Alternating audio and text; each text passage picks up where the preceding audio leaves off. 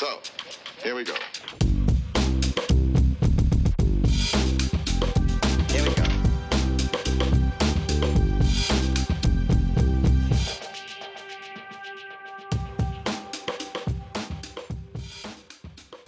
Hvornår går man fodboldinteressenternes ærne som medie, og hvilke regler har Divisionsforeningen indført for at forhindre dårlige udlandske ejerskaber i dansk fodbold? I denne udgave af det kritiske fodboldmagasin på 24-7 ser vi frem og tilbage, når vi skal tale om mediernes ansvar for fodbolddækning og om de udenlandske ejerskaber i dansk fodbold. Mit navn er Lasse Yde Hegnet. Og mit er Jeppe Højberg Sørensen.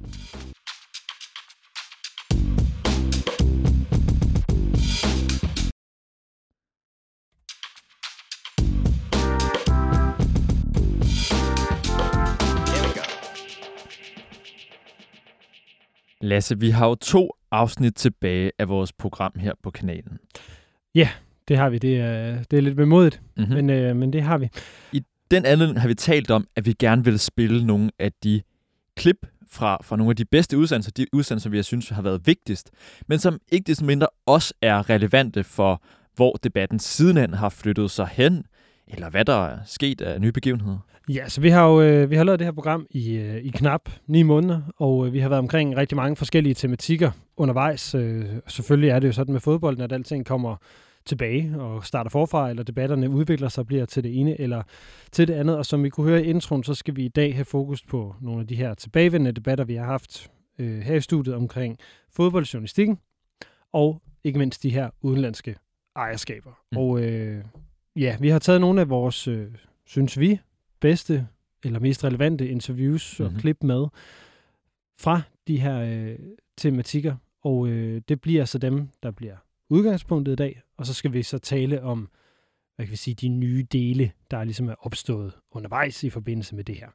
Og øh, ja, jeg vil du ikke øh, prøve lige at sætte lidt flere ord på, hvad er det, vi egentlig skal, øh, skal starte med, når hvis vi skal tale om det her med, øh, med fodbolddækningen og journalistikken i det hele taget. Jo, altså det der senest er sket, og som vi skal diskutere om lidt, det er, at TV2 de har fået DBU ind som klummeskribent. Akt, forskellige aktører for DBU ind som klummeskribent på deres, ja, digital, i deres digitale univers. Ikke? Øhm, og det har medført en, medført en del debat om, hvilken rolle sportsjournalistikken, hvilken rolle rettighedshavende medier ligesom skal have i forhold til fodboldens interessenter, som man jo om noget må sige, DBU er. Ja. I starten af året, der var der en sag, som havde nogle af de samme, hvad kan man sige, øh, spændinger i sig, og det var den, der handlede om et interview, som DR's Andreas Kravl lavede med Christian Eriksen. Det første interview, der blev lavet med Christian Eriksen, efter at han faldt om på banen, og, og hele den historie kender vi jo alle sammen. Og i den anledning, der kritiserede journalist på Weekendavisen, Asger Hedegaard Bøje, det her interview for at være mere heppekors, hvad kan man sige, journalistik, end reel kritisk sportsjournalistik. Ja. Og han sluttede ligesom sin kommentar med af med at sige, i dækningen af topsport er det efterhånden svært at se forskel på magthaver og vagthund.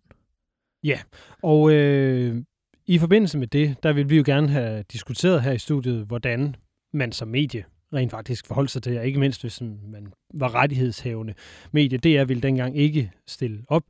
Det ville Carsten Værge fra TV2 øh, til gengæld. Så vi fik øh, Asker og Carsten med ind og have en debat om, øh, hvordan man egentlig skal behandle, hvad hedder det, fodbold øh, på, på den måde, øh, når man er et rettighedshavende medie, og, og diskutere den her balance mellem fanformidling og den, øh, den kritiske journalistik. Det klip, det vil vi gerne spille for jer, så vil vi gerne efterfølgende diskutere lidt, hvordan er det egentlig, den her nye sag, den, øh, den hænger sammen. Men I får lige en skiller på, og så får I altså det her, øh, den her debat at høre igen.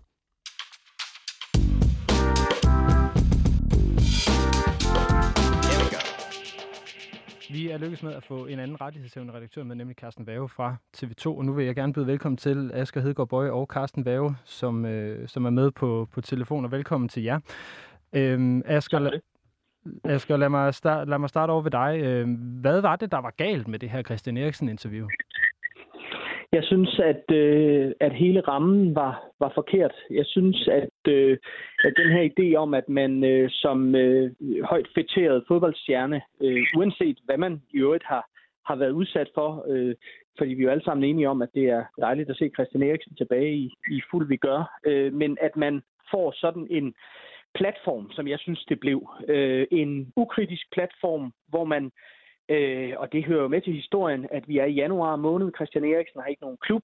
Øh, transfermarkedet er åbent, og han øh, skal jo gøre sig til, kan man sige, på en måde der, og han, på samme måde som hans hollandske agent jo også er blevet øh, pludselig meget tilgængelig for alle medier rundt omkring. Men altså Christian Eriksen får, hvad var det, tre kvarters tid, hvor han ligesom kan, kan sidde og fortælle om sig selv, øh, og, øh, og, og mikrofonen bliver egentlig, det er mit, øh, min anke bliver bare holdt for ham, kan man sige. Der er ikke noget journalistik i det, det er ren øh, ikke engang underholdning, vil jeg sige, men man ender i et sted, hvor man egentlig øh, promoverer en, en, øh, en, en stor øh, fætteret sportsstjerne. Inden jeg lige sender, øh, sender spørgsmålet videre til Carsten Værge, øh, Asger, så vil jeg gerne høre dig, øh, hvor øh, skulle man have været kritisk? Jamen, jeg mener, når rammen er, som den er der, når man, øh, når man sætter en af, øh, af landets øh, dygtigste fodboldkommentatorer øh, og mest kendte sportsjournalister, Andreas Kravl, i en øh, hvad kan man sige, i en situation, hvor han sidder i en gylden hotel lounge i Milano foran Christian Eriksen, så er rammen ligesom sat. Så er det et royalt interview, kunne vi sige. Så er det et, interview, et ufarligt interview, øh, som Kravl også har sagt efterfølgende. Øh, det er Christians historie. Øh, øh, øh, og, og det er jo bare op til ham at, ligesom at formidle den. Og, og det er jo altså det er uenig som journalist. Det gør ondt inde i. Ikke? Det er jo ikke, det er aldrig kildens historie. Det er altid journalistens historie. Man må lægge en vinkel på det. Øh, så, så jeg synes, når rammen var, det, var som den var, så, øh, så var der ikke meget andet at gøre. Men jeg synes jo, at det interview, det hørte jo på mange måder øh, hjemme på, på DBU's egne platforme. Altså fordi det var et rent sådan øh, promoveringsinterview. Carsten, øh, du har jo øh, bedrevet øh, hvad kan man sige, rettighedshavende journalistik på fodbolden i, i lang tid. Synes du, at fodboldjournalistikken er ukritisk? Uh, ikke sådan uh, overordnet betragtet. Jeg synes, at den ene, der bliver drevet relativt meget god uh, journalistik, også inden for fodboldjournalistikken. Uh, altså, men jeg kan sagtens følge Asger i, i det, han siger her, fordi problemet for DR var jo, nu er det så ærgerligt, at ikke har lyst til at stille op, uh, og jeg er nødt til at stille op i stedet for. Men jeg synes jo, problemet det var helt klart, at man ikke deklarerer, hvad det her er. Altså, at der har været nogle præmisser for, at øh, DR, for det er jeg ret sikker på, der har, øh, kunne få Christian, øh, og at øh, det var blandt andet, at øh, spørgsmålene har formentlig været godkendt. Jeg stussede også lidt over, at interviewet blev over, øh, der lå en engelsk version også, altså med engelske tekster. Øh, det lugtede også langt væk af, at der var lavet en eller anden del, som, som formentlig agenten har stået for. Jeg tror ikke, Christian har haft så meget med det at gøre.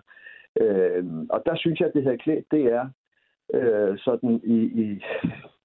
Ja, de burde bare have fortalt, hvordan det var. Men, og der er nogle ting, vi ikke kan spørge om, og det er præmissen for det her. Fordi, men kan man altså, acceptere... Jeg, jeg, vil, jeg ville da død gerne uh, have haft, at vi på TV2 havde det interview, uh, og, og jeg havde også kø, givet kø, for at være helt ærlig, uh, på nogle ting her, hvis for at få det. Men jeg havde så til gengæld valgt at fortælle det. Uh, at, at det var præmissen her, og vi for eksempel ikke kunne spørge, spørge ind til nogle specifikke ting, eller hvad ved jeg. Eller også så skal man bare lave en aftale om, at vi stiller det spørgsmål, og så har Christian lov til at sige, jamen altså, det har jeg ikke lyst til at svare på. Øh, så det er egentlig der, jeg ser, øh, jeg ser problemet. Jeg synes, jeg kan sagtens finde masser af problemer inden for, for kvaliteten af det, som, som øh, også fodboldjournalister laver, og det er jo derfor, vi sidder i, i en verden, hvor jeg sidder og skal hele tiden forsøge at gøre det bedre og bedre.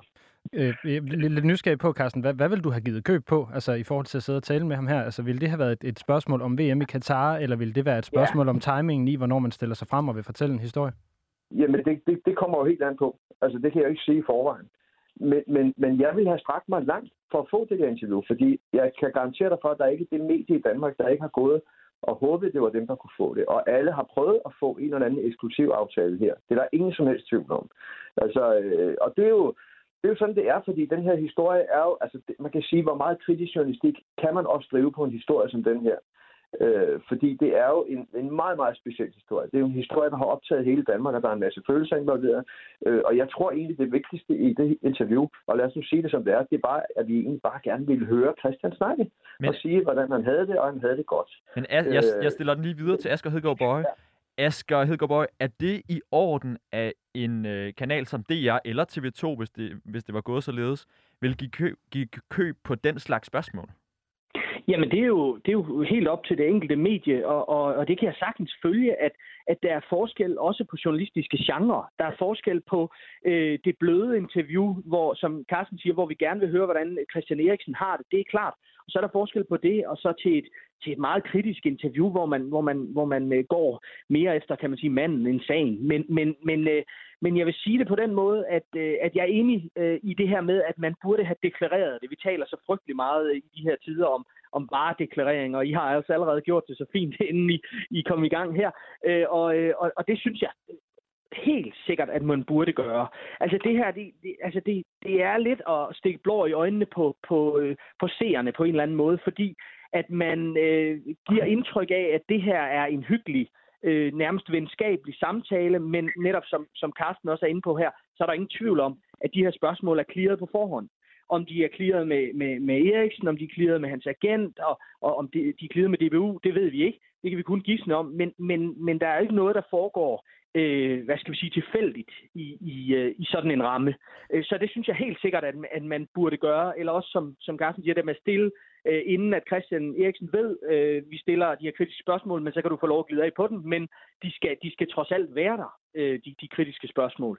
Øh, og jeg synes, det er enormt vigtigt, fordi at vi i fodboldverdenen, Ligesom i øvrigt i, i, i en politiske verden, kunne man også bruge som parallel, men i fodboldverdenen, vi bevæger os et sted, hvor der er så stærke interesser der er så stærke økonomiske interesser, og det, kan I jo, det kommer I jo formentlig ind på senere i jeres øh, debat om, om, om, øh, om øh, fanmedier og klubmedier, men, men klubberne, øh, landsholdene, forbundene vil så gerne styre kommunikationen. Og de vil allerhelst, at selvfølgelig, at de bedste historier, de rareste historier kommer ud hele tiden. Og der er det vores forbandede pligt som journalister at være, som men, jeg kan se, men, nogen også øh, skyder mig i skoene i forhold til det at være akavet, være være upassende øh, i forhold til øh, de kilder, vi omgås. Hvor tit øh, vil du så mene, at man skal, man skal være ubehagelig? Fordi det er jo også netop det her, som, som Carsten var inde på før, at vi, man vil bare gerne høre, at øh, faktisk bare Eriksen fortæller om de her øh, mm. ting, der, der er sket.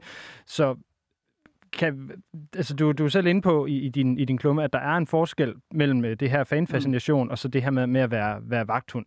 Øh, kan man gøre det ene, uden at gøre det andet? Øh, jamen, man kan sige, min, en del af min øh, irritation, kan man godt sige, over det her interview, og nu er det jo brandærgerligt, at DR ikke har haft øh, lyst øh, og mulighed for at stille op her, men det er jo en, en fornemmelse af, at det her, det ikke står alene. Altså, det er en fornemmelse af, at man, og det vil jeg gerne sige højt fra øh, DR-sportens side, ikke øh, øh, for mig at se, øh, gør meget andet med det danske fodboldlandshold, end at øh, hvad skal vi sige, formidle fascination. At, øh, hvad hedder det, at, øh, altså, øh, fortælle den gode historie, og som de også selv siger i det er, samle danskerne. Og det synes jeg kan være fint at gøre også, men man må også gøre det andet. Det er sporten har på mange andre punkter, altså øh, svømmedokumentaren som eksempel, vist, at de sagtens kan bedrive øh, klassisk kritisk journalistik. Jeg synes bare ikke, at de har gjort det med det danske fodboldlandshold i overvis nu bliver det jo så TV2's opgave i de næste seks år i hvert fald, at øh, håndtere landsholdet, dække landsholdet. Carsten Vave, vil I dække det anderledes, end DR har gjort traditionelt? Ja, ja. Altså, for at være helt ærlig, så uh, hvordan DR har gjort og ikke gjort, det mm. interesserer mig ikke. Hvordan vil I øh, gøre det? Men det, der interesserer mig, det er jo, at jeg, jeg sidder jo lige nu og, og prøver at ligesom, øh, danne mig et overblik over, hvordan og vi kommer til at gøre det her. Øh, og i den forbindelse, der har vi jo nogle møder med, med hele DBU's øh, presseafdeling og så videre, og, og det, jeg egentlig noterer mig, det er, at jeg har ikke endnu stødt på en eller anden øh, bemærkning fra, fra Jakob Højer, som er den øverste inden for deres system der, øh, om at øh, jamen, vi forventer et eller andet, at I ikke gør sådan og sådan. Altså, og jeg kommer ikke til at lave en eller anden aftalt præmis om, at vi ikke må forholde os kritisk til den. Selvfølgelig gør jeg ikke det. Mm. Øh, men jeg noterer mig også, at det heller ikke er noget, de, de sådan ligesom øh, kommer og siger, jamen, øh, kan vi regne med, at I ikke er alt for hårde ved os, hvis der sker et eller andet? Nej, for det kan de ikke. Altså, det er klart, der er vi jo nødt til at agere helt almindelige journalister. Vi har en nyhedsafdeling, som, som også er det, at vi har folk, der skriver klummer, øh, som, som har lov til, der er jo ikke nogen begrænsninger på, hvad de må og ikke må i forhold til det journalistiske.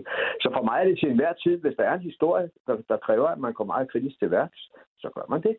Øh, og, og, og, og så vil der være andre gange, hvor, hvor, hvor der måske ikke er så meget, hvor det netop handler om fascinationen. Fordi vi er jo også ude på at dyrke fascinationen, så vi kan få en masse folk til at, at blive ved med at synes, det er dejligt at se det fodboldlandshold. Men det, det- betyder ikke, at, altså, det betyder jo ikke, at man ikke, hvis der sker et eller andet kontroversielt eller et eller andet, så kommer vi der til at bide lige så meget til bolle som alle andre, øh, og formentlig mere, tror jeg, fordi jeg, jeg er fuldstændig enig med, med, med Asger i, at der er mange steder, hvor, hvor det bliver sådan lidt lattejournalistik. Mm. Øh, og det kommer, det kommer ikke til at ske fra vores øh, del af skrivebordet, det kan jeg garantere, fordi altså, det er jo derfor, vi har gode journalister ansat. Hvor, hvor bliver det lallejournalistik hen? Hvad siger du, undskyld? Hvor bliver det lallejournalistik hen? Øh, Nej, men altså, det, det, det er jo tit øh, sådan lidt... Øh, vi rider med på roliganbølgen. Altså, det så vi jo øh, med de fleste medier under, under sommer til EM, og der var jo heller ikke så meget grund til andet end at, at juble over det der hold. Som, altså, det er jo også det der hver ting til sin tid. Altså, der var det jo på sin plads selvfølgelig. Men jeg, jeg synes jo tit, at der er mange spillere, som man ikke tør gå til, fordi man vil også gerne kunne komme til dem en anden god gang, for eksempel. ja, Øh, og, Det synes jeg tit, jeg ser hos nogle journalister. Øh, og det synes jeg selvfølgelig er lidt ærgerligt, fordi det er ligesom ikke det, der er meningen med det hele. Øh, og, og, og jeg synes... Øh, men er, jeg synes, altså det har jeg synes i mange år, der, der er jo plads til forbedringer, ligesom der er plads til forbedringer inden for, for, for de politiske journalister og alle mulige andre genrer inden for vores fag. Øh, og det skal der hele tiden være. Det er jo hele tiden det, vi skal stræbe efter. Øh, og jeg synes jo, det er dårlig journalistik, at I ikke er i stand til at få DR i tale her. Det, det, det, det burde jeg være i stand til at overtale dem til, øh, hvis jeg nu skal være lidt grov over for det kritiske fodboldmagasin. Må du meget det må du meget gerne. Det er ligesom intentionen med, at vi er her. ja, men altså, du ved, altså, der vil jeg jo have hægtet mig fast, fordi jeg er jo en gammel bulldog, ikke? Mm. Øh, men men, men øh, selvfølgelig, øh, selvfølgelig skal vi da hele tiden være opmærksom på, om vi gør det godt nok. Det kommer jeg også til at være, der hvor jeg er, er fodboldchef nu på TV2. Øh, altså, og det ved folk også godt. Altså, vi har meget intern kritik. Vi har meget kritik af vores rapporter. I øjeblikket arbejder meget med, at vores rapporter skal være bedre journalister osv. Øh, om det lykkes eller ej, det vil vise sig. Men, men jeg kan garantere for, at det er noget af det, vi har meget høj øh, prioritet på, fordi, fordi det er jo et af de steder, hvor jeg synes, at, at øh, fodboldjournalistikken ikke er god nok. Asger Hedegaard Bøje, du skriver jo i din, i din øh, kommentar, at det er særligt de her rettighedshævende medier, som, øh, som måske ikke har den kritiske tilgang. Hvis vi hæver os lidt fra landsholdet, hvad er det for et øh, problem, du ser i forhold til de her rettighedshavende medier? Nej, men det, det er øh, ikke så meget et spørgsmål, om de er øh, dygtige nok til det eller ikke. Det er simpelthen et sådan helt grundlæggende øh, udfordring, kan man sige, fordi at man, som øh, Carsten også skitserer, som rettighedshavende øh, tv-station for eksempel, øh, jo er i det her spændingsfelt mellem, man på den ene side skal øh, formidle en fascination, og man vil gerne have folk øh, til at, at, at støtte op om, om, om fodbold, når man vil gerne have seere og læsere osv., og så på den anden side har man også en journalistisk forpligtelse til at, at gå til øh, og, og, og gå til øh, gå til sagen. Så, så, og det er enormt svært øh, at løse. Altså, øh, og det er derfor, at man kan sige, at at, øh, at nogle former, i hvert fald for rettighedshavende journalistik, øh, bliver mere en form for fascinationsformidling. Altså bliver øh, fodboldkommentatoren, der, der, der, der er begejstret og indsigtsfuldt øh, formidler, hvad der sker i den her fodboldkamp, mere end det er, kan man sige, gammeldags klassisk journalistik. Øh, men der er jo øh, for fanden brug for begge dele. Øh, men, men det er, øh, og det er jo det, det, den stol, Carsten sidder i nu, det er jo en, en svær balance ofte. Øh, og jeg tror også, det hænger sammen med noget, som ikke kun begrænser sig til sportsjournalistikken, men som også gælder for eksempel kulturjournalistikken, som jeg også selv er, er lidt en del af. Den her øh, forelskelse, der kan være i kilderne. Altså for, øh, den, øh, og det ser vi jo også i sportens verden. Det her med, at man på den ene side, det kender jeg jo også selv, Altså, at man elsker fodbold øh, over det meste andet på jorden, og, og, og ser op til de her fodboldstjerner, man har fulgt siden man var barn, og, og klubber og landshold osv., og, så videre. og så skal man samtidig være være, øh, være, være kritisk. Øh, og det, altså, det er, det er en, øh, en udfordring hver eneste dag som sportsjournalist, og det er jo egentlig også det, det smukke ved det, kan man sige, fordi vi beskæftiger os med noget, både Carsten og jeg og jer to, vi beskæftiger os med noget, som vi synes er super fedt. Altså, vi er ikke øh, fuldstændig, øh, hvad skal vi sige, øh, isnende kolde over for, for, øh, for det, vi står over for. Øh, vi, vi har faktisk følelser med i det her. Øh, Men- jeg, men- jeg, jeg skal Må gå jeg, jeg må, jeg, må jeg tilføje lidt her, fordi altså, øh, selvfølgelig, selvfølgelig kan der være sådan, øh, det er en svær balance. Øh, det, det, det medgiver jeg, men, men jeg kan jo så bare sige, for eksempel, da, da den europæiske Superliga lige pludselig bullede frem samme dag, øh, det kom frem med alle de der forfærdelige rygter om, at man nærmest ville underminere hele fodbolden ved at lave en europæisk Superliga. Jamen, der laver vi en, øh, jeg tror, vi laver en times program øh, live, øh, hvor, hvor vi debatterer det her, hvor vi diskuterer det. Selvom vi jo på daværende tidspunkt jo havde en aftale allerede med, med UEFA omkring rettigheder på øh, Europa og Conference League, det betyder jo ikke, at vi ikke kan lave kritisk journalistik. Øh, og det gjorde vi på stedet. Øh, og, og, og jeg, jeg forventer jo, at, at dem, der skriver klummer øh, og så videre hos os, eller dem, der, der er vores ansigter udad til, de er markante. Det er jo tit, jeg er jo tit med i news, hvor jeg også kan forholde mig til nogle ting sådan rent kritisk. Øh, og det er jo, altså for mig er det en meget vigtig del af præmissen, og jeg tror også, at når man dyrker den linje, som vi prøver at dyrke her, så tror jeg egentlig også, at man får mere respekt. Øh, ikke at det er det, vi er afhængige af, men, men er, er også spillerne synes, det er meget spændende, at vi ikke altid er enige med dem. Det forventer jeg egentlig, fordi jeg synes jo, det er helt almindelige mennesker, som, som godt kan lide en god diskussion. Og, og jeg tror sådan, det, det er en misforståelse, at man ikke kan gøre det. Øh, men det er en tradition. Øh, og jeg er jo så gammel, så jeg har også været journalist i, i, i, i de helt gamle dage, hvor journalisterne ingen der behøvede at tale med spillerne, men alligevel kunne lave udtalelseshistorier. øh, altså, det, det var jo sådan, det foregik.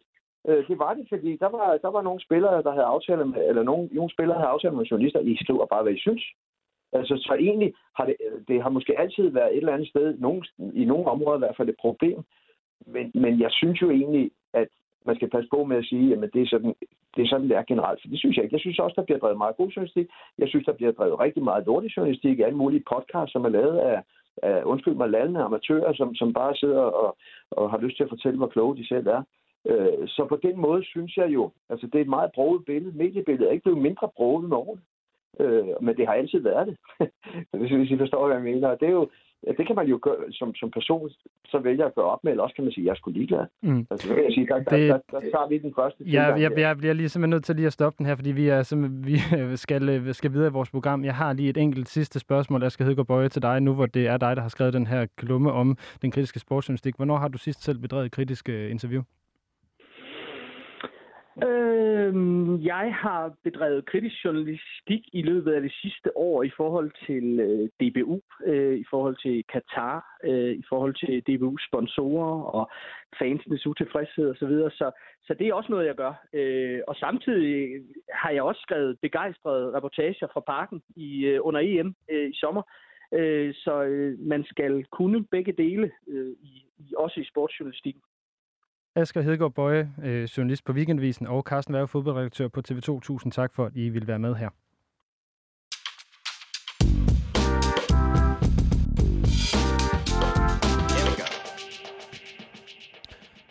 Ja, Jeppe, det var jo så øh, det her lidt lange klip, vi havde med. Debatten mellem øh, Carsten Værge og Asger Hedegaard Bøje. Og altså, det er jo, synes jeg, enormt spændende at høre Carsten Værges betragtninger, taget betragtning af, at det jo er TV2, der nu er blevet det rettighedshavende medie. Mm-hmm. Og øh, nu beder jeg mærke i, i mange ting, men han beder blandt andet mærke i, at han siger det her med, at han gerne vil have, at hans klummeskribenter er markante og så videre. Så øh, hvad, hvad tænker du om, at, øh, at DBU nu uredigeret skriver klummer? Altså, sagen er jo den, at, at, de, at TV2 ligesom annonceret, at man, man har sådan en klummeserie, som hedder DBU har ordet. Det tror jeg, det er det, de ligesom kalder den. Og så er administrerende, eller, ja, administrerende direktør Jakob Jensen, han er den første klummeskribent fra DBU. Og jeg har sådan set intet imod, at den er uredigeret. Det synes jeg sådan set er klummens natur, at den ikke skal redigeres af journalister, fordi så bliver det ikke udtryk for, for, øh, for klummeskribentens egen holdning. Jeg synes, det der er voldsomt problematisk, og som flere førende eksperter også har været udtalt, det er, at den ikke får noget modspil at man ikke i samme sekund annoncerede, at man har fået et helt klumme, øh, øh, hvad kan man sige, klumme univers med forskellige skribenter fra forskellige interesseorganisationer, ikke mindst. Altså det synes jeg er et meget væsentligt punkt. Altså, DBU har, er som... en interesseorganisation, som har en interesse i, at en særlig fortælling om sig selv, om dansk fodbold og så videre fortælles. Og den står udfordret, når man ikke har en, en klumme fra andre magthavere. Ja, men den er jeg sådan set meget enig i, at det bliver et, altså, lidt et uimodsagt univers. Og jeg må også sige, at når vi taler om det her med klummer, så har jeg lidt svært ved at forstå, hvis jeg sådan skal være lidt hård på den selv, hvorfor DBU skal have lov til at sige noget. De kan vel bare skrive deres pressemeddelelser. Hvorfor skal de have klummer specifikt?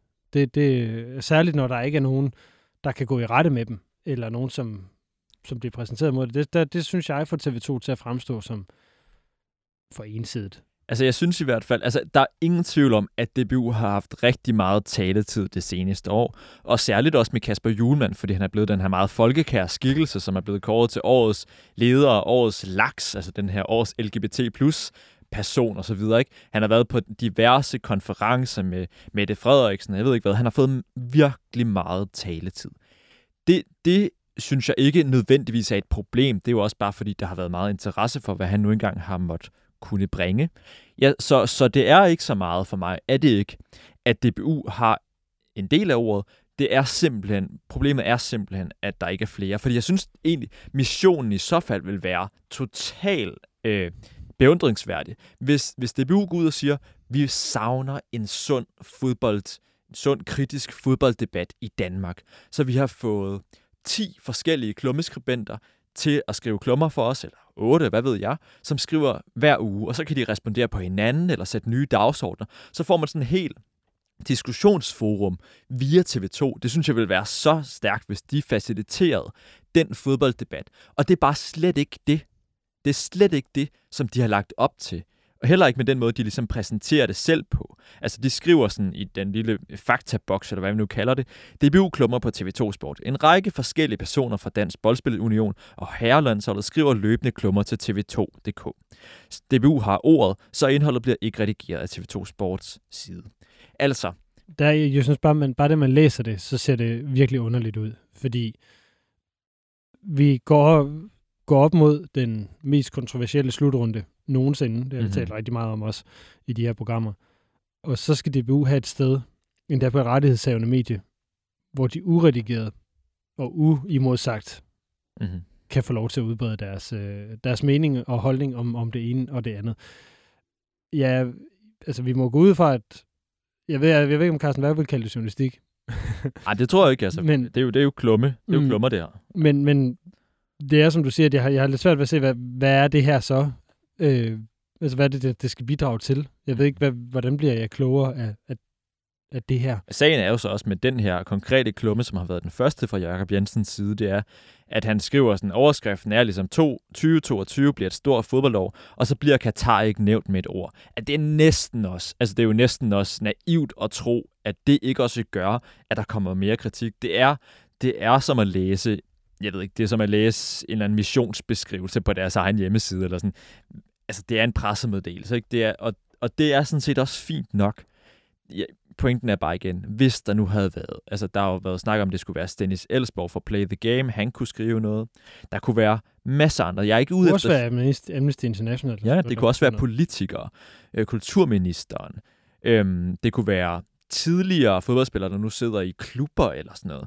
Altså, jeg er slet ikke ude efter, det er journalister. Fordi jeg synes, det er væsentligt, det her med, at det er magthaver inden for fodbolden. Det kunne også være divisionsforening. Men at netop det, det, som jeg, jeg hører dig efterlyse i, det er jo også, at det er en diskussion, som drejer sig om, altså, hvor der kan være modsatrettet holdninger, og hvor det netop ikke bare er et talerør for, for DBU alene. Altså det er jo det her med, at det bliver uimodsagt, som vi, mm. vi mhm. bliver ved med at vende tilbage til, der er problemet. Jamen det er det, fordi jeg synes, altså jeg, i så fald, altså jeg vil virkelig, virkelig bifalde, hvis de lavede det her, som jeg sagde før, debatunivers. For det, det synes jeg mangler. Altså mange af de debatter, vi har i fjernsynet. TV2 har lanceret et program, der hedder Kant. Det er sådan det er også meget sådan fodboldrelateret. Så har de en gæst inden, og så er det Morten Broen og de andre dygtige øh, eksperter, de ligesom har deres egen journalist. Og det er mange af de debatter, vi ofte ser også på, på, på TV3's kanaler, at det er eksperter, og, som allerede er inde, som så står og diskuterer alle mulige fodbold. Altså klassikeren med, at der er nogen, der taler om fodbold, ja. men som ikke sidder på magten selv. Præcis. Ja. Og simpelthen en debat mellem folk, der sad på magten selv. Det kunne også være spillerforeningen, ville jo også være helt oplagt, ikke? Ja, det, det sad jeg nemlig også Prøv at tænke, hvor fedt det ville være, hvis spillerforeningen, de ligesom skrev om, hvilken, hvilke rettigheder, hvilken magt de mener, spillerne har i forhold til Katar, hvilket ansvar de skal tage osv. Ikke? Hvis man fik den udlægning derfra, i et, i et, i et godt forfattet klummeformat. Det vil være stærkt, synes jeg. Mm. Det er jo i hvert fald en opfordring, vi kan give videre øh, herfra til, øh, til TV2. Mm-hmm. Øhm, og så ikke mindst så, øh, til jer, der lytter med. Så håber I, I lige nød genhøret med, øh, med den her debat med Asger Hedegaard Bøje og Carsten Værge, som øh, på trods af, at den jo er et halvt år gammel, synes jeg personligt ikke, den er blevet mindre relevant. Særligt ikke, når vi netop har Katar som, øh, og VM i, i december, som vi kigger frem imod. Ja, fuldstændig. Og det her, det er jo også placerer sig i det der spænd mellem fanfascination og kritisk sportsjournalistik, som, som Asger Hedgaard han, øh, han kommer ind på, ikke? Ja.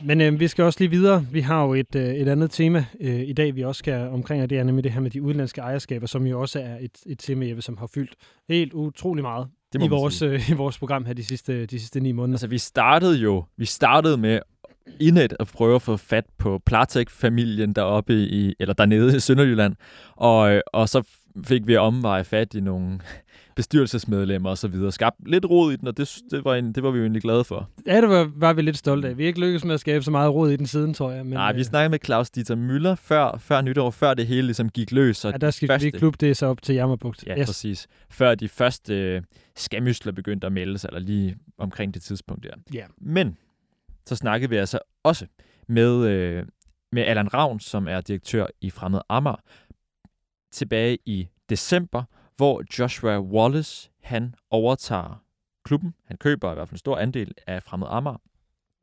Og det så senere kommer frem, få dage efter, Altså nærmest det, timer det, det var her, hvor vi var rigtig irriteret over, at vi ikke bare kunne sende ting ud, eller ikke sende Mhm. live om tirsdagen, fordi vi, vi sad jo og, og kunne, fandt lige pludselig frem til, at hov, der sad altså nogle svindeldomme på ham her, og så kort efter, eller dagen efter, der, øh, der kom det så ud på, på tipsbladet, hvor vi, ja, vi, vi havde et interview med Allan Ravn, direktøren ude fra Fremad Amager, som, mm. øh, som vi forholdt de her, de her ting, og det er selvfølgelig det klip, vi har taget med, som vi gerne vil, øh, vil spille for jer. Og bare lige før, det, før, før I skal høre det, så er sagen jo, at, at øh, Divisionsforeningen netop har præsenteret et nyt regelsæt, ja. som skal forhindre, at netop den her slags overtagelser finder sted, hvor det er bedrageridømte med mere folk, der kommer ind og overtager klubber. Men De regler, dem vender vi tilbage til. De bliver nemlig annonceret her den øh, mandag den 20. juni, og øh, dem diskuterer vi lige, hvor gode de egentlig er, mm-hmm. Mhm. når, vi, øh, når vi kommer tilbage. I skal bare lige høre det her interview med Allan Ravn, som altså blev lavet kort efter, at øh, Joshua Wallace var kommet ind i klubben som, øh, som ejer.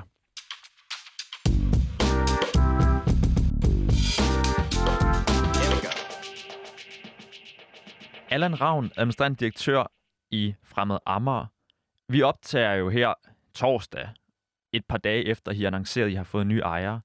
Jeg kan forestille mig, at det har været nogle hæftige dage. Ja, det må man sige. Altså ikke kun hæftige dage, det har været nogle hæftige måneder. Øh, sådan en, en overgang af en fodboldklub er ikke sådan helt ukompliceret, så der har været nok at se til. at der er øh, stor interesse for den her nye ejer- og investorgruppen. Ja, altså sådan indledningsvis har der været helt vild interesse på Frem Amager øh, generelt for, for en masse investorer rundt omkring, og, og nu når vi kan man sige, har lukket den investor, der skal køre videre øh, med klubben, så er der også øh, meget stor interesse for, for ham og dem. Hvad er det for spørgsmål, I bliver mødt med? Mødt med? Jamen, hvad bliver vi mødt med? Jamen, øh, vi bliver mødt med, hvad vil de med klubben? Øh, og øh, et andet spørgsmål, vi bliver mødt ofte med, det er, hvorfor vil en øh, amerikansk investorgruppe investere i en første divisionsklub på Amager? Det er også et af de øh, klassiske spørgsmål. Hvad fortæller I dem så? Ja, hvad fortæller vi dem? Jamen, vi, øh, ja, en ting er, hvad jeg fortæller dem, noget andet er vores øh, nye investor, som også selv fortæller dem, og er meget øh, faktisk på at stille op til interview selv. Øh, men, men det, vi, det, som jeg siger til dem, det er, at øh, fodbold i Danmark, selvom er Danmark er, er et lille land, så er vi en relativt stort fodboldnation. Og, øh, og derfor så er det ikke uinteressant at være involveret i, i fodbold lige præcis i Danmark. Øhm, så kan man selvfølgelig gå, gå videre og så sige, jamen, hvorfor investerer lige præcis i en fodboldklub? Og det er jo nok mere Conor end det er noget andet. Øh, men, men det er jo egentlig også okay, hvis man er investor og, og her gør sådan noget en gang imellem. Kan du forstå, at der er den her øh, store interesse for, for et ejerskifte af en, af en første divisionsklub i Danmark? Ja, det kan jeg godt. Altså, som jeg lige kort nævnte før, så er altså dansk fodbold er ikke helt ueffen, øh, og, og man sige, det internationale fodboldlandskab, heriblandt er Danmark jo også, øh, bliver mere og mere sådan øh, styret af, af investorer på kryds og tværs. Så, så det her, det er ikke noget nyt, man ser. Øh, det er måske lidt, lidt, stadigvæk lidt nyere i Danmark. Øh, men, men vi har kun set toppen af isbjerget i forhold til, hvordan klubber bliver købt og handlet og, og drevet. Øh, det, det, de næste 10-15 år kommer til at blive meget, meget interessant at følge. Altså Og nu, det, kommer også, og det gælder også, det gælder også for første divisionsklubber. Og, og lurer mig, om det ikke snart kommer til at gælde for anden divisionsklubber også.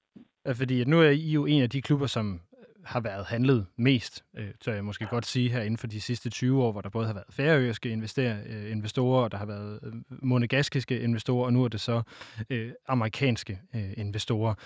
Vi, ja. vi har også forstået, at, at Joshua Wallace her, han, han gerne vil være øh, mere synlig end, end, end tidligere ejer, og det kan jeg også lidt høre på det, du siger, at han er klar til at stille op til interviews osv. Hvad, hvad betyder det at være mere synlig som ejer? Ja, altså først og fremmest så er det jo øh, at have synlige ejere, synlige kommunikerende ejere, så, så længe de selvfølgelig kommunikerer noget, der er fornuftigt. Man ser også øh, det andet i både dansk og international fodbold. Men synlige og kommunikerende ejere gør jo øh, hverdagen noget nemmere for, for os, der skal drive forretningen, fodboldforretningen. Øh, fordi de spørgsmål, som du stiller, jamen, jeg kan godt svare på dem, og øh, er nu ret overbevist om, at jeg rammer ret plet i det, jeg svarer, også øh, på vegne af, af investorerne. Men når investorerne svarer, jamen, så er det selvfølgelig helt for egen regning. Og det gør jo bare, at kommunikationen bliver, bliver endnu klarere. Øhm, og det synes jeg, der både er, det er både relevant, og det er også rart. Hvis I nu bliver mærke at du siger det her med, at han, han er gået ind som, altså med noget Conor Morte, fordi det er øh, det, som man gør, når man investerer i, øh, i, i fodbold. Øh, men er det, er det også hans rene motivation, at han sidder som amerikaner og har lige fundet fra Marmar og tænker, det er lige sagen? Altså, jeg ved jo, at, at han, han anser øh, investeringen fra Marmar som en, en, et, en mulighed, der opstod lidt som ud af ingenting. Øhm, og den amerikanske øh, fodboldstruktur er sådan, at der kan du ikke investere i et, i et, sige, i den næstbedste række, eller den, eller den endnu længere række nede i der. Det giver ikke rigtig mening. Og hvis man skal op og investere i MLS, så skal man altså virkelig have den store punkt frem. Øhm, så, så det, at man kan investere i dansk fodbold og europæisk fodbold på den måde, som man kan, det er også en, en mulighed, som ikke findes i USA på nuværende tidspunkt. Så det er selvfølgelig også en af årsagerne. Noget af det, vi jo synes er, er spændende som journalister, det er jo den her gennemsigtighed med ejerne. Det er jo derfor, det er dejligt at mm. høre, at han gerne vil stille op til interviews og være sådan synlig. Øhm, er det også noget, er, er det også noget I, I har sat pris på ved ham, at han gerne vil være et ansigt ud til modsætning til, til jeres tidligere ejere? Ja, altså det, det, det sætter vi da til i starten en enorm pris på. Vi håber, at det var ved. Det forventer jeg også. Øhm, det, det gør tingene nemmere. Øh, det gør det mere transparent. Og, og, og i Danmark er vi vant til, at øh, journalister, som, som der selv inklusiv, øh, stiller spørgsmål, som der skal svares på. Og det er bare nemmere, at de bliver svaret af de mennesker, som, som kan svare bedst på det. Altså, vi har jo øh, vi har fået at vide, at han gerne vil stille op til interview, så det, det, det glæder vi jo os til, at vi, at vi også kan få, ham, øh, kan få ham med her. Vi har prøvet at finde lidt ud af, hvem han, hvem han er, og vi, vi så den video, I lagde op i, øh, i går, og kunne, kunne ligesom høre, at han efter en, en karriere i, øh, i Intel og så videre går ind i øh, det, han kalder investing and trading space, som han kalder ja. lidt et, et, et fejlslagende epoke, og der kom nogle regulatory problems, som han siger. Øh, det er noget, han har taget ansvar for, og, og har lært øh, af de fejl, han har lavet, og, og, og så taget ansvar for, for de fejl, han har begået. Har han fortalt dig, hvilke øh, regulative problems han, han kom i, og hvilke fejl han begik dengang? Ja, altså jeg, jeg ved det godt. Altså den helt sådan super detaljerede øh, udgave, den, den har jeg ikke fået, og den har jeg heller ikke bedt om.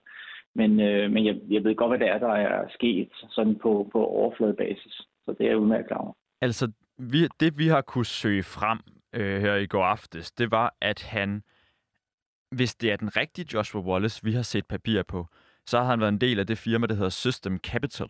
Han har ejet det firma. Er det rigtigt? Det er rigtigt, ja. Det firma blev i 2013 dømt for, for svindel, og Joshua Wallace tilstod også selv at have svindlet. De blev idømt en bøde på 840.000 dollars ifølge de materialer, vi er kommet frem til. Kan du ikke forstå, at der er interesse for den her slags oplysninger? Absolut.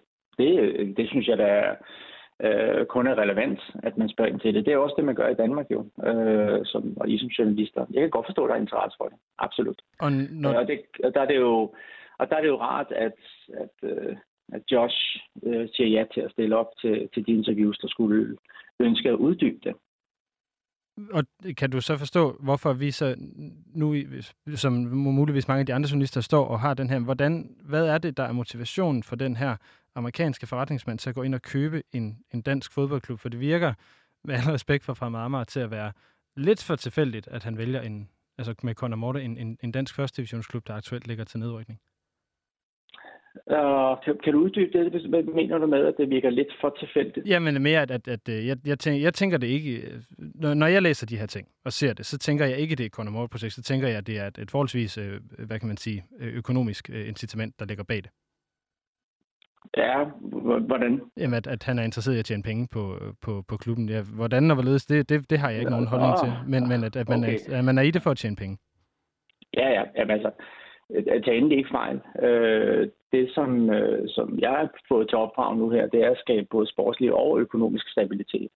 Så, øh, så der har ikke været ikke det opdrag, jeg har fået indtil videre, været sådan et spørgsmål om, at nu skal vi bare hygge os og have det sjovt. Øh, vi arbejder i øjeblikket på en lidt længere plan nu her, som vi kan præsentere i Q1 i næste år. Den, indeholder også den grad en økonomisk stabilitet. Øh, Hvad? Og forhåbentlig en, en økonomisk gevinst. Det giver jo også mening, at en ejer af en virksomhed gerne vil tjene penge på den. Det er jo meget normalt, tænker vi, ikke? Altså egentlig. Det må man sige. Hvad, hvad har I talt med Joshua om i forhold til den her, i hans fortid i, i System Capital, og det han har lært om det? Det er, jo, det er jo det, han siger i den her video. Han har lært noget af den her proces. Hvordan, ja. Altså, hvordan har I, vi vil jo bare gerne vide, om Fremad Amager er i helt trygge hænder, grundlæggende. Jeg er enormt glad, og på vegne af klubben er jeg glad for, at du er øh, bekymret for vores ved og vel. Øh, jamen, altså, hvis der er nogen, der har interesse i at fra mamma i gode hænder, så er det både undertegnet, men især hedder også, altså deltid også hele klubben og området miljøet omkring fra mamma. Så, ja. så der er mange, der har interesse i det. Um, så, så der er du ikke den eneste. Um, og det vi jo selvfølgelig ved, jamen det som, det er jo mere eller mindre det, som I også ved, og det vi har spurgt ind til, jamen øh, hvad der foregået, hvad har du lært af det, hvordan er det og, øh, og, og de svar, som, som vi har fået indtil videre, har, har været plausible, og de har været ærlige. Hvad er det for svar? Jamen, svaret er jo meget i går så en simpelt. Øh, han, øh, han gik i gang med at lave nogle investeringer og, og rejse noget kapital, og, og det viser, at det var ikke gjort på en helt korrekt måde, og øh, det måtte han altså tage straffen for. Noget af det, altså nu er jeg ikke ekspert i øh, det amerikanske juridiske system, men nogle af de anklager er jo sådan med false statements og så videre. Det er jo ikke, det er jo ikke sådan, som jeg forstår det, er det ikke helt små regnskabstekniske øvelser, som man kan gå fejl af. Der er også nogle for, forkerte rapporteringer og den slags i forhold til fortiden ja, det... i System Capital. Det er jo sådan, jeg bliver bare lidt bekymret, når jeg læser den slags ting. Men, men folk ja. kan jo også have udstået deres straf og kommet over på den anden side. Altså det må vi jo formode, at, at, at, at, øh, at han har, som, som vi også har orienteret om, at det har han, øh, så vidt jeg ved, så har han udstået og betalt tilbage i, i 13. Mm. Øh, og har øh, rettet op både på, på, på sig selv og på sit arbejdsliv, øh, og har lært af det. Så som du siger, jamen, øh, der er ingen tvivl om, at han har lavet helt klart en, en kæmpe fejl om at tage straffen for det og har gjort det. Øh, nu, øh, nu er han jo så kommet ind og er blevet, blevet ejer, og øh, hvad hedder det, når man typisk ser på de her nye ejerskaber, der kommer ind i fodbold, så har øh, klubberne jo altid en fortælling om, hvad er det, ejeren skal gå ind og, og bidrage med, enten så er det noget dataviden, eller, øh, no, altså det, eller om det er bare rå kapital, eller så videre. Øh, han, han siger jo også meget ærligt, at han ikke har så meget erfaring fra, fra, fra sportens verden. Hvad er det, han som ejer skal bidrage med hos jer? Jamen først og fremmest så bidrager øh, han jo med, med kapital til at starte med. Øh, det næste det er, at han ønsker at bidrage med mere organisatoriske og kommersielle tiltag. Øh, og så ønsker han at bidrage på den sportslige side, men det bliver med understøttet af, af det netværk, han har fra, fra fodbold, altså soccer i, uh, i USA. Hvad er det så for måneder øh, fremad Amager, de går ind i lige nu? Eller I går ind i? Og, jamen altså, vi, vi går jo ind i, ja, ligesom alle andre klubber, går vi jo ind og her 1. januar åbner et nyt transfervindue. Og, øh, og der kommer vi jo til at have sådan en relativt øh, hæftig aktivitet. Øh, så vi kommer til at se, jeg, jeg vil tro, at vi kommer til at se en, et januar måned, som er meget aktiv. Så de, øh, hvor, hvor, mange, hvor mange penge forventer du, at de skal ud og bruge i januar? Det kan jeg ikke udtale mig om. Okay, fordi det, det jo, tænker jeg var interessant at vide, om det er nogle af de penge, som vi skal bruge, og det er nogle af dem, som kommer fra den nye ejer. Ja, jeg kan godt forstå, at det er interessant at, at, at vide det, men jeg kan jo god grund ikke stå og fortælle her på, på din radiokanal, hvor mange penge vi har tænkt os at bruge i vores det kommende transfervindue. Uh, det er jo en, en ret væsentlig del af vores uh, forretningsstrategi. Det forstår vi naturligvis godt. Men er Det det, er det noget af det, han også bidrager med Joshua Wallace, noget kapital her i starten af den investorgruppe? Ja, det er klart. Altså, alle investorer, der træder ind i, i en klub, uanset om det er fra Marmar, eller om det er HB Køge, eller det er Helsingør, altså noget af det første, man bidrager med, det er altså rå kapital. Øh, Så og se, i det her tilfælde, og i det her tilfælde her, der nærmer vi os jo et transfervindue. Og, men, men, men det, der også er vigtigt at sige her, som jo også er en del af vores nye ejerkreds øh, filosofi og holdning til det, det er, at altså, vi skal ikke ud og bombe øh, transfermarkedet overhovedet. Øh, og vi kommer ikke til at se øh, et eller andet hysterisk øh, indkøbsopløb øh, øh, fra, fra vores side af. Øh, vi, skal, vi skal skynde os, men vi skal skynde os langsomt. ved du om Joshua Wallace, det skal vi også spørge ham selv om, ved du om han har intention om at købe flere klubber i Europa, eller er det her en, en, en, en investering, som kun vil ligge hos jer? Fordi I har jo tidligere haft det her samarbejde med en bulgarsk klub osv. Ja.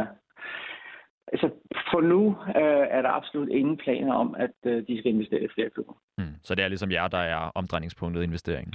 Vi er omdrejningspunktet. Altså, ingen kender dagen i morgen, og det kan jo så være, at de på et tidspunkt bliver så forelsket i at være fodboldklubber, at de, at de gør det. Øh, det skal være usagt, men lige nu er der ingen planer om det.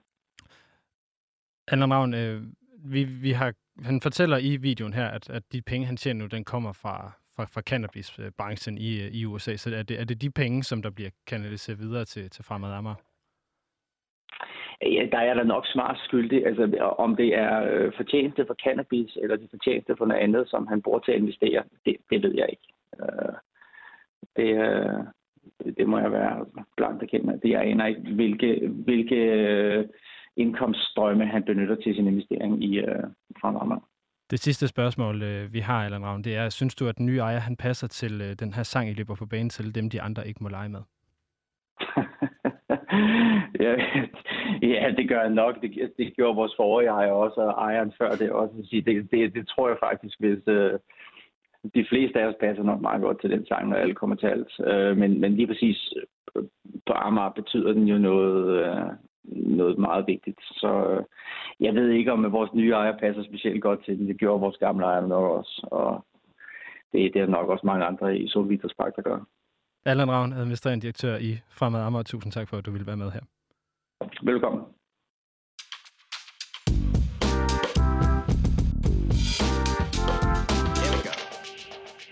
Og vi kan jo øh, afsløre, at det jo gik hverken værre eller bedre, end at øh, tre måneder efter vi lavede det her interview, der var Fremad Amager ved at øh, gå konkurs, og at øh, det først var 31. marts, øh, hvor alle, selv samme Allan Ravn kunne gå ud og sige følgende, at alle ansatte, fans og sponsorer kan ånde lettet op efter en turbulent måned, hvor fokus har været på at kunne få klubben på nye hænder. Det er en stor og vigtig dag, jeg er sikker på, at den her meddelelse bliver taget rigtig godt imod på Amager. Der skal lyde stort tak til alle involverede undervejs, som har bidraget til den her vigtige redning af klubben. Mm. Altså kun tre måneder efter vi lavede det her interview med, øh, med Allan Ravn. Jeg synes jo, Jeppe, det lugter jo rigtig, rigtig meget af, at de her regler, som divisionsforeningen er kommet med, de er sindssygt vigtige. Helt enig.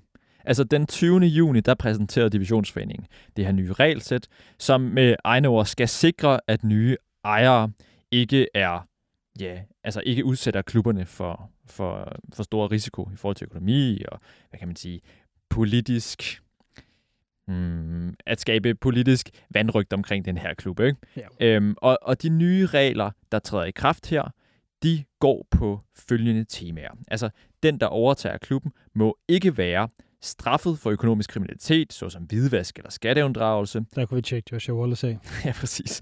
Er i, de må ikke være i konkurskarantæne eller haft en omfattende konkurshistorik. Der kan vi trykke kryds Joshua Wallace af. De har, må ikke være have en væsentlig indflydelse i et bettingselskab. De er ikke, må ikke være registreret fodboldagenter eller eje en fodboldagentvirksomhed. De må ikke være underlagt ultimativ kontrol af en nationalstat.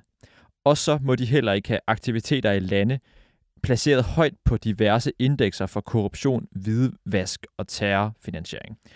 Og hvis de er det, og hvis, hvis, øh, hvis divisionsforeningen skynder, at de er det i deres administration, så kan det betyde, at klubben mister sin kontrakttilladelse. Ja, og det er jo en ret alvorlig ting for en fodboldklub. Så kan vi sige, at det her det træder i kraft, hvis man vil købe sig til det, man kalder væsentlig indflydelse i en dansk klub, og det vil altså sige, at man har over 33 procent af øh, aktierne, sådan som jeg forstår det, eller i hvert fald en tredjedel af ejerforholdet, og Mhm. kan nærme sig at få den her øh, store, eller øh, flertalsindflydelse i klubben.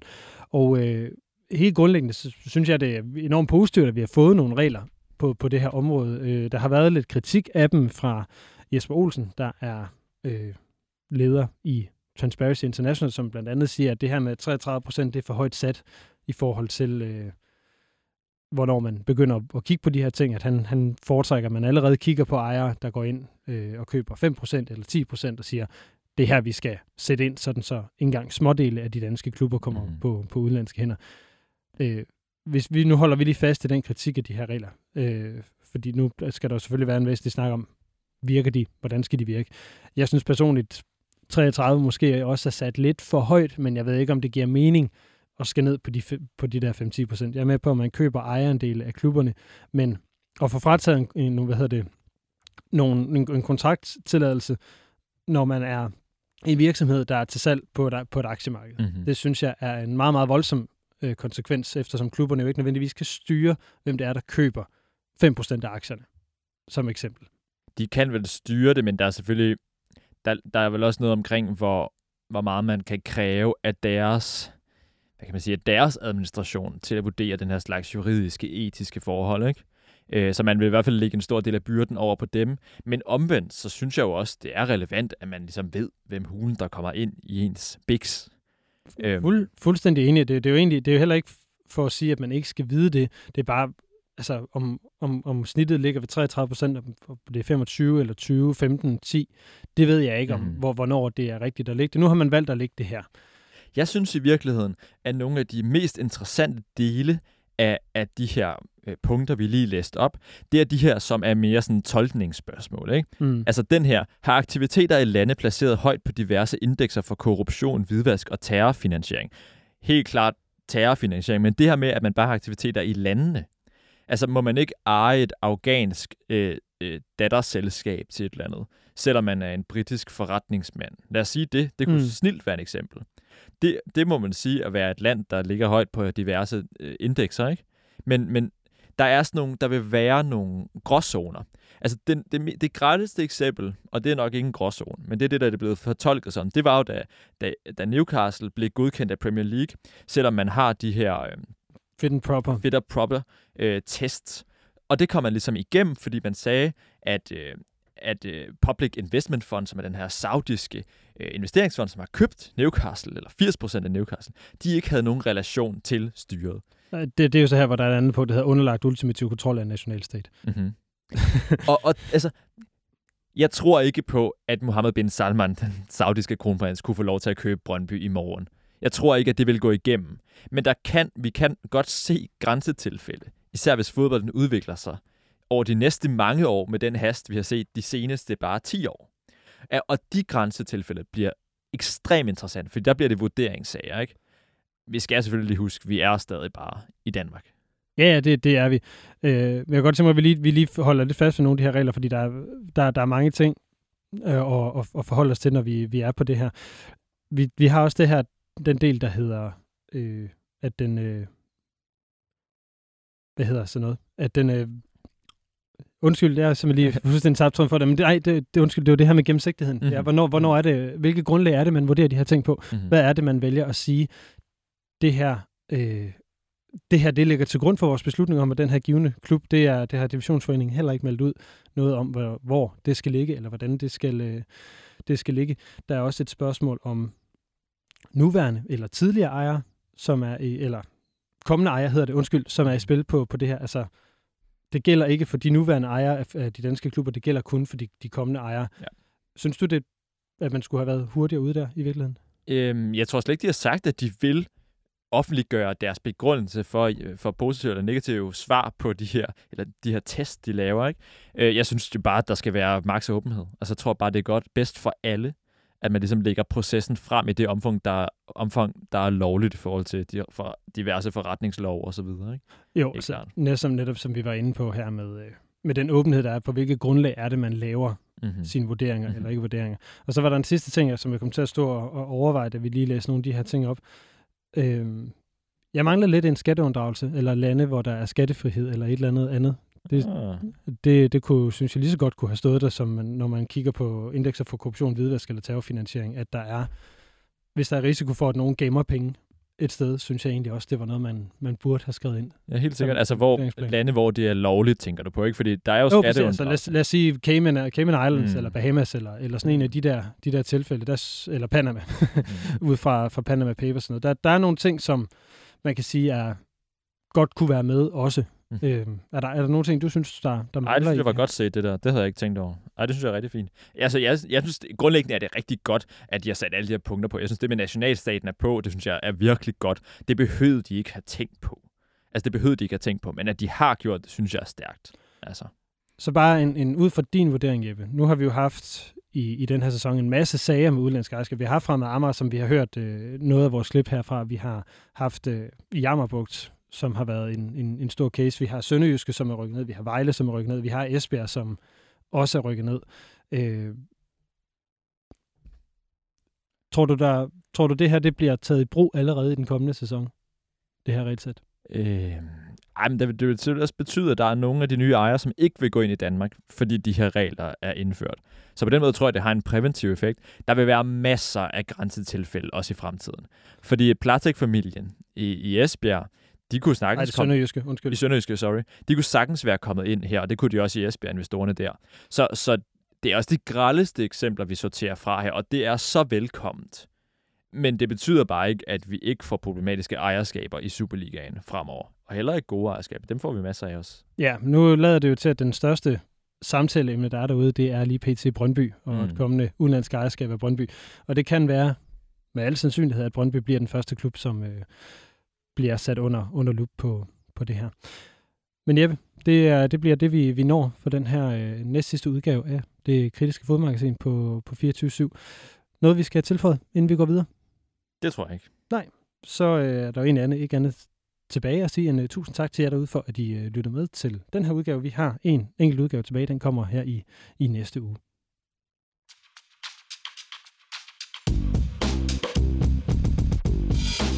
Just stop.